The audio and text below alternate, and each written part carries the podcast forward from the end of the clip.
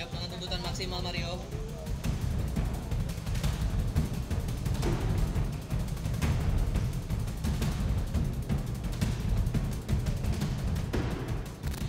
Scan ditemukan bahwa pada otak anak korban Kristalino David Ozora alias Soren mengalami bengkak dan terdapat bercak memar akibat benturan keras. Bercak putih itu adalah jejas, artinya menandakan sarafnya itu rusak. Jujur sekarang yang mulia tentang apa yang sebenarnya ada. Di situ kan saya berbohong. Pada saat ini saya sudah disumpah, saya mau mengatakan yang sejujur-jujurnya. Kan berat hati saya harus bilang bahwasannya kemarin saat penyidikan itu saya banyak berbohong. Rubah. Sudah saya rubah BAP. Kenapa dirubah? Ada keterangan tambahan. Saya di BAP saya yang terakhir, saya bilang itu semua ka- perkataan free kick, enak ya main bola, itu semua saya ngomong. Sebentar ya. Jaga sikap saudara ya. Siapa yang mulia? Ya cukup, berdiri. Di titik ini, penganiayaan itu terjadi. Dan di titik ini pula, korban menderita diffuse axonal injuries. Aksi penganiayaan Mario Dendi kepada David Ozora terhenti setelah Mario Dendi mendengarkan teriakan "woi" yang sangat keras dari salah seorang warga yang tinggal tidak jauh dari lokasi kejadian.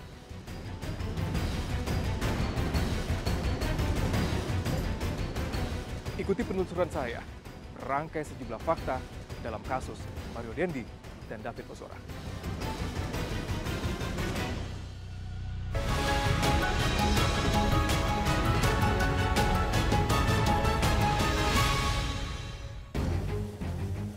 Mario Dendi tampak berbeda dari sidang-sidang sebelumnya.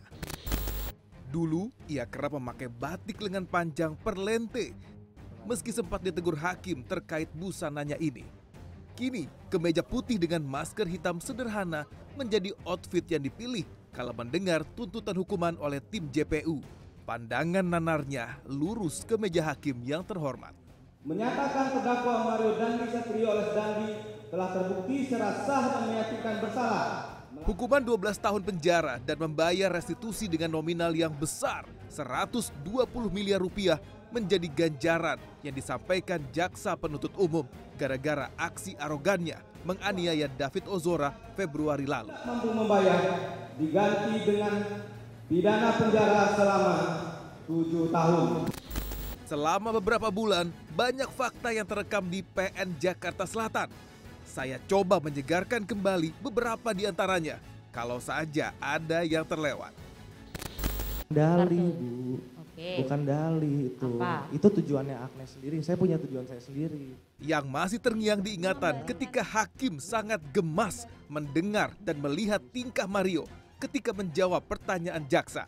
Hakim pun langsung menegur dengan keras. Sebentar ya. Jaga sikap saudara ya. Siapa yang mulia? Kalaulah saudara pakai mau jualin, no? tapi kenapa saudara pakai nomor yang berbeda, bahkan mulai dari Desember? Hakim juga sempat habis kesabaran ketika mendengar jawaban Mario yang berbelit-belit ketika dicecar pertanyaan terkait mobil mewah Rubicon yang bisa ganti-ganti plat nomor. Terserah saudara ya. Kamu mau menembak dia? Di sidang awal Agustus, Mario dengan santai mengatakan akan menembak David. Kesaksian ini terlontar ketika jaksa bertanya tentang chattingan Mario dengan David. Ya udah paling, ya udah rank paling lu gua tembak. Dia bilang katanya di telepon David katanya kalau bohong diancam ditembak sama Mm, Mario. Diancam mau ditembak. Oh, Terus Isu tembak-menembak Saya- ini ternyata juga didengar oleh mantan karena pacar Mario Amanda. Kira- Amanda datang dengan kursi roda karena saya. kondisinya tengah sakit. Namun di tengah-tengah sidang, kala tim jaksa dan kuasa hukum sedang menghadap hakim, Amanda tiba-tiba drop dan pingsan. Suasana sidang pun langsung riuh. Tim kesehatan ya. Ia pun langsung diberi pertolongan pertama. Namun yang membuat ruang sidang termasuk hakim terkejut ketika Mario dengan lantang sambil mengatakan berat hati apa yang ia sampaikan di BAP polisi kala itu adalah sebuah kebohongan. Kan berat hati saya harus bilang bahwasannya kemarin saat penyidikan itu saya banyak berbohong. Hakim langsung tegas bahwa kesaksian itu di bawah sumpah. Bisa kena pasal lagi dakwaan sumpah palsu karena itu sudah sumpah kan. Lalu apa yang tidak bohong dari kesaksian Mario? Bagaimana kejadian malam itu? Saya mencoba menelusurinya langsung ke TKP.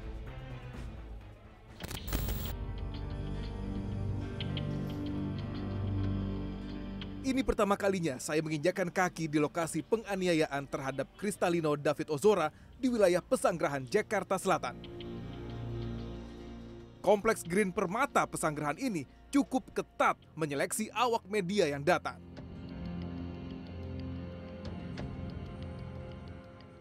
Sebelumnya, media datang ke TKP saat rekonstruksi pada Maret lalu. Itu pun ditemani polisi dan sejumlah pengacara. Dari sini, dari titik ini, saya bisa melihat bagaimana suasana sekitar TKP. Aksi penganiayaan Mario Dendi kepada David Ozora terhenti setelah Mario Dendi mendengarkan teriakan "woi" yang sangat keras dari salah seorang warga yang tinggal tidak jauh dari lokasi kejadian, sekitar 15 hingga 20 meter saja. Dan warga yang berteriak dari lantai dua balkon rumahnya ini kini menjadi saksi kunci dalam persidangan Mario Dendi dan David Ozora yang sempat menjalani perawatan selama 56 hari di rumah sakit akibat penganiayaan yang ia derita.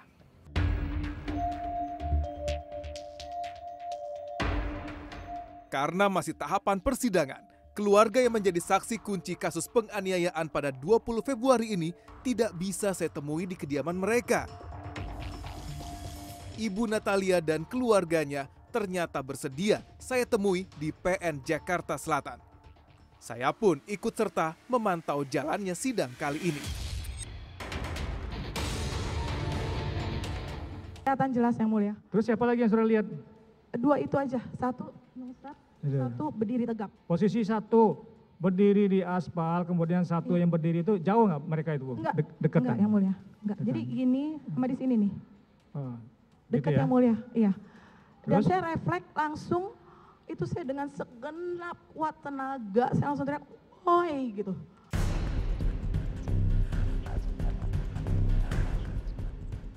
Masih jelas dalam ingatan Natalia kondisi David Ozora pada malam itu.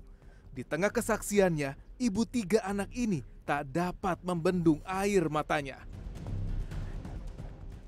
Ah, kepalanya di situ ya? Ah, kepala itu. Kenapa saudara lakukan itu seperti itu? Kenapa? Maksudnya Karena apa? dia kayak orang ngorok gitu kayak Ngorok. selek kan sini darah semua yang mulia. Yang di mananya? Yang saudara lihat mana? Apa yang yang keluar darah apa aja? Sini darah, Sini kuping keluar darah, di kuping keluar darah. ya, bibir yang bawah sampai ke sini. Ini. Bibir bawah sampai ke belakang ini. Heeh, yang atas Jontor, jontor, jontor sampai Iya, bawah. Jontor. Bibir ke Bibir atas atas ini, sampai ke jontor hidung. sampai ke Sampai ke hidung. hidung. Terus ini darah semua. Di hidung keluar darah. Darah, Di mulut keluar darah juga. darah. Di pelipis kanan ini berdarah. Pelipis mata darah. Darah mulia. Ya. Tapi kan tangannya saya giniin yang mulia. Hmm. Saya giniin. Hmm. Saya, saya remes gini. Saya harap dia merespon. Hmm. Saudara genggam lah ya supaya dia Iya, bergerak ya. Iya, maksudnya David ini tante, eh, tahan ya David kuat ya. Pap, eh, tante Om bawa ke rumah sakit. Jangan pergi ya David. Saya, Hmm. Terus jangan pergi ya David. Saya pegang gini dengan maksud mungkin dia merespon. Hmm. Berarti dia sadar kan. tangan mananya masih ingat tangan kanan tangan kanan. tangan kanan Kanan. pegang. Iya. Hmm. Jadi begitu begitu saya remes dia nggak respon, saya langsung ya ampun Tuhan, ya ampun Tuhan, saya bilang dia nggak merespon yang mulia, Hmm. Udah merespon ya. sama sekali nggak merespon. Terus saya pegang saya pegang ininya Hmm. masih ada degup jantung, Hmm. terus kakinya tuh tremor gini yang mulia, Kakinya bergetar gitu. tremor yang mulia. Hmm. Itu ya.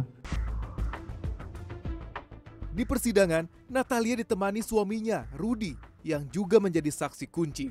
Di ruang sidang, Rudi menjelaskan saat-saat ia melihat sosok Mario Dendi yang kini duduk di kursi pesakitan. Jadi gini Mulia, kenapa saya shock itu saya sebagai laki-laki saya mau ambil keputusan di situ antara hajar si pelaku atau hukum pilihannya. Jadi karena mungkin umur saya 50 yang mulia ya, jadi saya berpikir kita ambil posisi harus negara ini negara beru, negara ini negara hukum. saya nggak tegang lihat David posisinya dua arah semua muka gitu. Jadi saya ke- saya sedih, saya sedih, saya Sedih. sedih. Saya tidak saya tidak bilang itu sosoknya siapa, saya nggak peduli. Ah, Intinya dia memperlakukan badan lebih kecil gitu. Saya ngeliatnya juga gitu. Jadi akhirnya dibentak sama istri saya, dipanggil dipanggil sama satpam saya, suruh saya ambil mobil. Begitu saya ambil mobil, itu situasi saya juga akhirnya nggak begitu banyak hafal. Saya yang perhatikan hanya pelaku ini. Jadi pelaku ini sempat ke mobil, buka pintu, yang membuat akhirnya saya harusnya jalan, saya belum jalan mobilnya. Jadi saya ngelihat, saya khawatir pelaku ini ngambil sesuatu di mobil. Tidak hanya Rudi yang terpancing emosinya, Natalia pun sempat naik pitam ketika melihat pola Mario, Shen, dan AG di Polsek Pesanggerahan ketika membuat laporan BAP. Di mata Natalia, ketiganya tidak memiliki empati terhadap korban David Ozora. Terus saudara juga melihat eh, pada saat mereka main gitar di kantor polisi. Lihat yang mulia, itu yang bikin saya emosi sekali. Kenapa? Karena saya tahu kondisi David saat itu masih koma. Dan saya yakin mereka tahu David di rumah sakit. Tapi, tapi mereka masih bisa-bisanya main gitaran, senyum, gandengan, kayak nggak seperti terjadi apa-apa. Itu saya kecewa sekali. Pasca sidang, saya mendapat kesempatan untuk bertanya langsung kepada Rudi dan Natalia yang tentu saja mereka terus didampingi pengacara. Dia tidak menolong, tidak ada penyesalan atau muka maaf tante, eh, saya emosi atau maaf tante, saya hilaf. Pada malam itu? Ah, pada malam itu tidak ada seperti itu. Jadi saya Mhm. pikir, kok ini orang eh, apa ya, kayak nggak punya rasa kemanusiaan gitu. Pak Rudi pada itu adalah orang uh, Anda yang mengantarkan uh, David menuju ke rumah sakit dengan mobil Anda. Ada bantuan dari Shane dan juga Mario ataupun dengan AG untuk membawa David ke atas mobil paling tidak. Saya tidak memperhatikan hal-hal itu gitu. Mhm. Waktu rekonstruksi baru saya melihat ada Sen yang ikut bantu. Oke. Eh, bu- Hari ini saya tahu Sen ya, waktu saat Oke. itu saya nggak tahu. Padahal hati kecil saya yang ada adalah mata balas mata.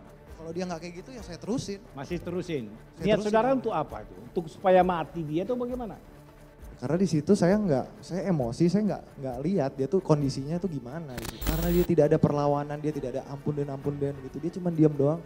Saya saya nggak ada rasa kasihan sama dia di saat itu.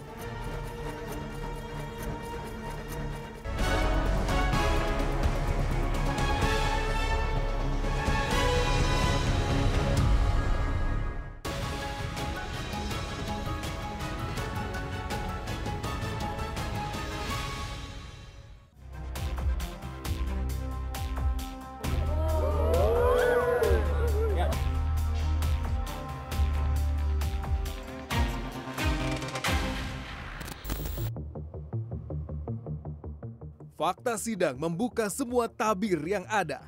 Ada sejumlah fakta unik yang terlontar di dalam sidang. Salah satunya saat David Ozora diminta untuk push up dan sikap tobat, kemudian diazab hingga berdarah-darah. Hakim sempat naik pitam dan bersuara lantang menyuruh Mario untuk diam. Ini dilontarkan kala hakim mencecar alasan kenapa terus menganiaya David yang sudah terkulai tak berdaya di jalanan. Bukan yang mulia. Kalau dia nggak dia nggak bilang Den udah, kan dia dorong saya di situ yang mulia. Udah. Masih tetap. Dia kayak gini. Udah Den, Den, udah, udah. Ya kalau dia nggak kayak gitu ya saya terusin. Masih terusin. Saya Niat terusin, saudara untuk apa itu? Untuk supaya mati dia atau bagaimana?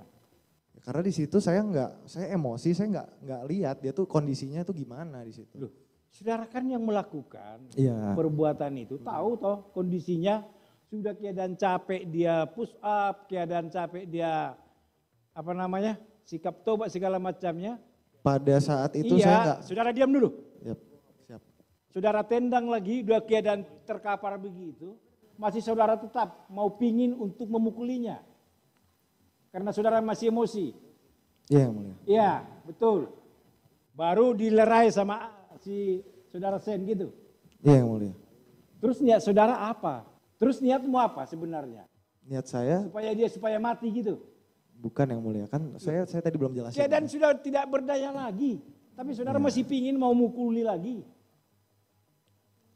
Di saat itu, saat saya sedang menganiaya, saya tidak memperhatikan yang mulia kondisinya seperti apa. Saya cuma tahu dia sudah di bawah. Karena dia tidak ada perlawanan, dia tidak ada ampun dan ampun dan gitu. Dia cuma diam doang. Saya saya nggak ada rasa kasihan sama dia di saat itu.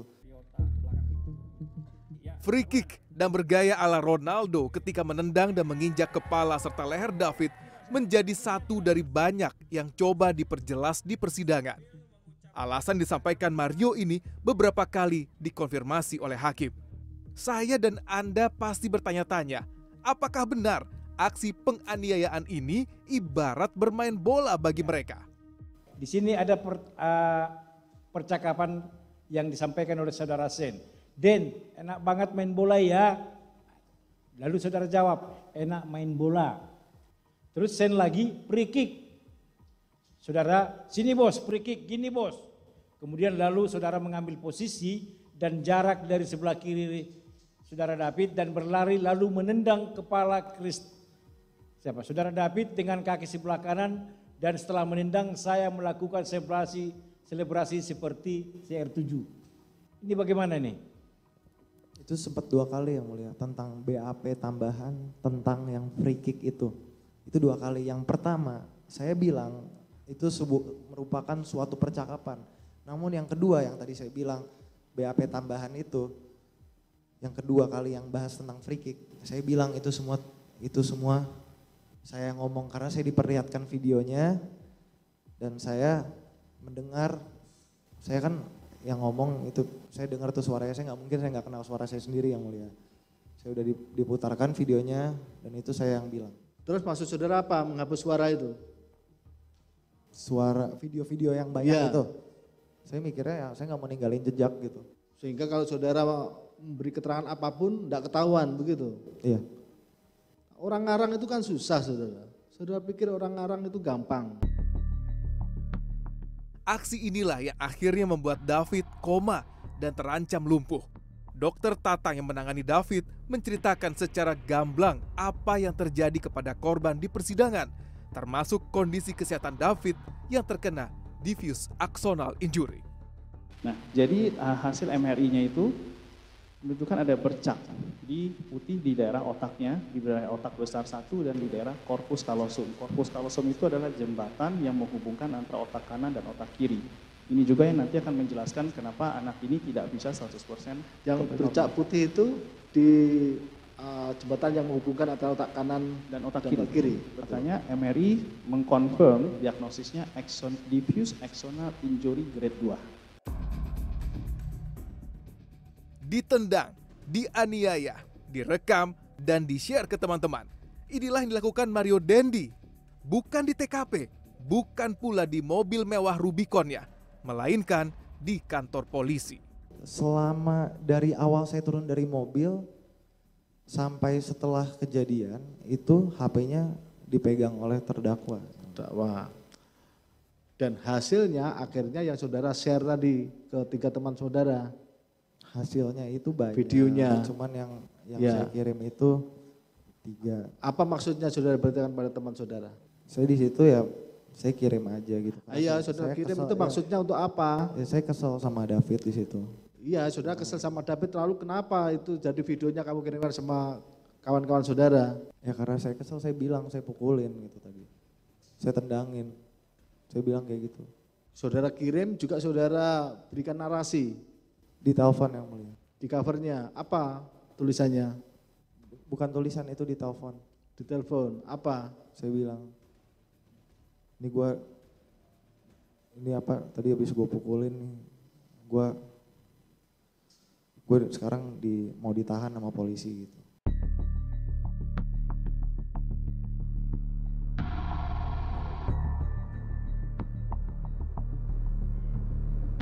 Persidangan Mario Dandi disimak banyak mata.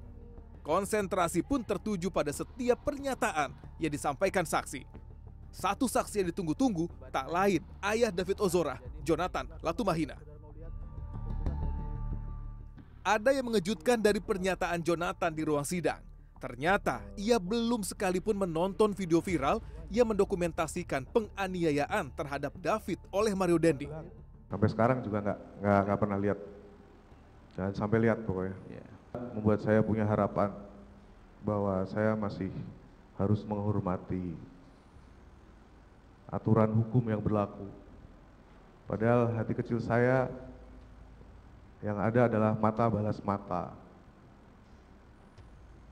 Minimal sama seperti apa yang dirasakan anak saya. Yang sampai detik ini belum bisa mandi, belum bisa pakai celana. Ya ya ya. Bubul waton. Jonathan kerap membagikan perkembangan kesehatan David di akun media sosialnya. Namun di tengah upayanya menyembuhkan David akibat cedera berbahaya diffuse axonal injury yang menyebabkan kerusakan otak, Bang Jo, demikian ia biasa disapa, menyimpan banyak pertanyaan besar di kasus penganiayaan anaknya. Keanehan pertama yang disampaikan terkait situasi di rumah sakit. Joe melihat ada kejanggalan, seperti kerabat Mario Dendi yang mencoba memindahkan David ke rumah sakit lain hingga asuransi yang tak kunjung bisa dipakai. Tadi tanya ini siapa? Ya. Kan siapa kan masih masih masih. Ya. Terus ada jawabnya. Cepatnya dari pelaku. Oh, sa- eh, saya mewakili keluarga dari eh, pelaku. Pelaku. Siapanya? Omnya, kakaknya, ibunya, atau siapa? Enggak, saya eh, disuruh untuk ke sini. Disuruh untuk ke sini. Ya. Ah, disuruh untuk apa? Sudah tanya kan? Itu tadi, eh, nanti pindah aja ke rumah sakit yang lebih baik. Apa? Kemudian saya marah. Apa hak Anda nyuruh-nyuruh saya memindah ke rumah sakit yang lebih baik? Ini anak saya kok. Saudara tanya kepada Admin. admin ya. Admin. Ini yang, ditolak itu maksudnya itu apa? Ya, diberikan? alasannya apa? Ah, ini yang ditolak itu diberikan ada satu berkas kepada saudara. Iya, ada, ada. Baik. Ada. Saudara baca. Baca. Apa yang tertulis di situ? Eh, ditolak karena yang memulai perkelahian adalah David. Terus apa sikap saudara? Saya tanya, siapa yang nulis? Siapa yang nulis ini? Bukan dari kita, Pak. Iya, siapa? Dari Polsek, Pak. Jatuhkan pidana penjara oleh itu kepada terdakwa Mario Dandi Satrioles Dandi dengan pidana penjara 12 tahun. Sehingga saya rasa tujuh tahun itu pasti sudah berdasarkan pertimbangan dan apabila tidak dibayar totalnya masih 19 tahun.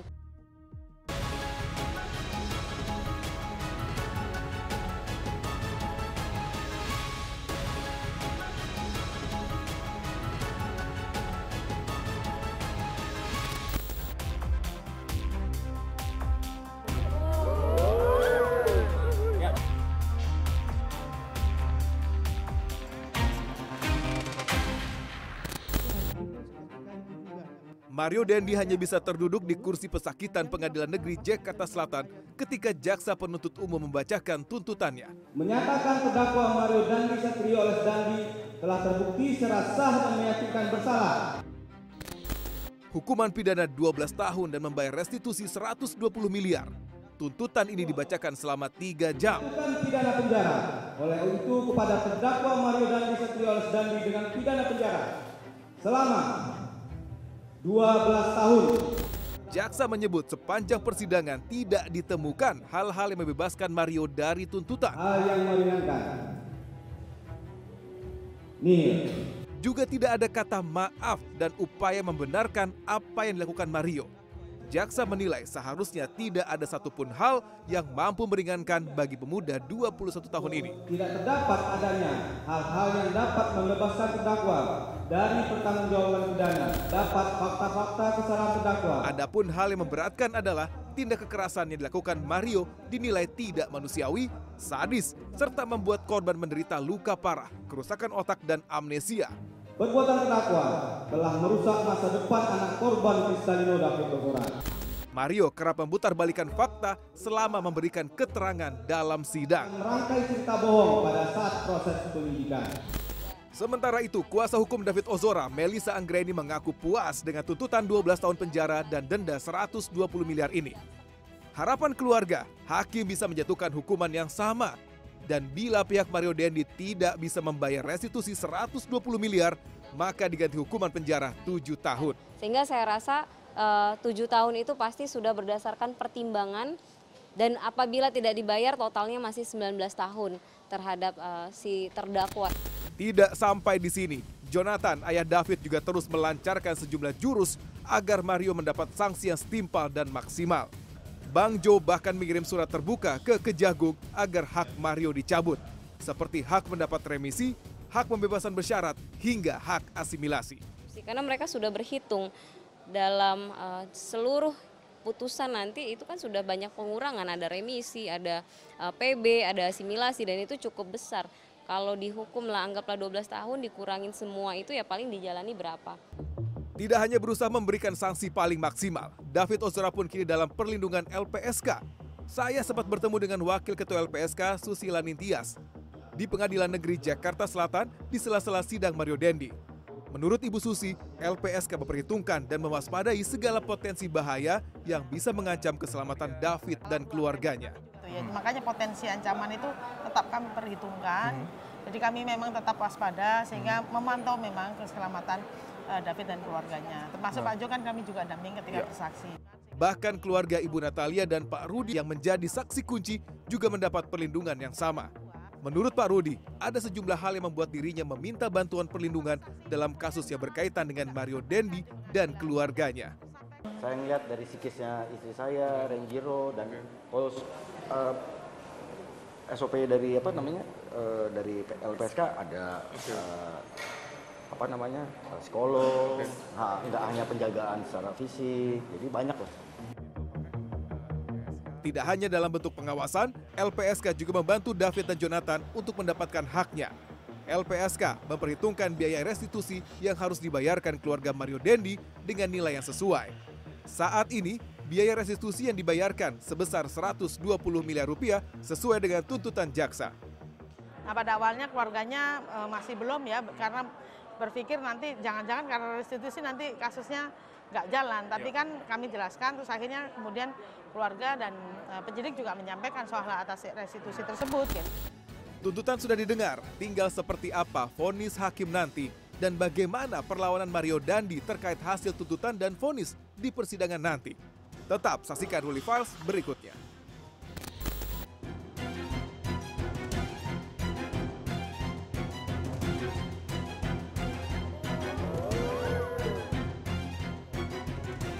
bukan keinginan yang mulia saya masih dalam emosi saat pada saat itu iya, saya nggak saudara diam dulu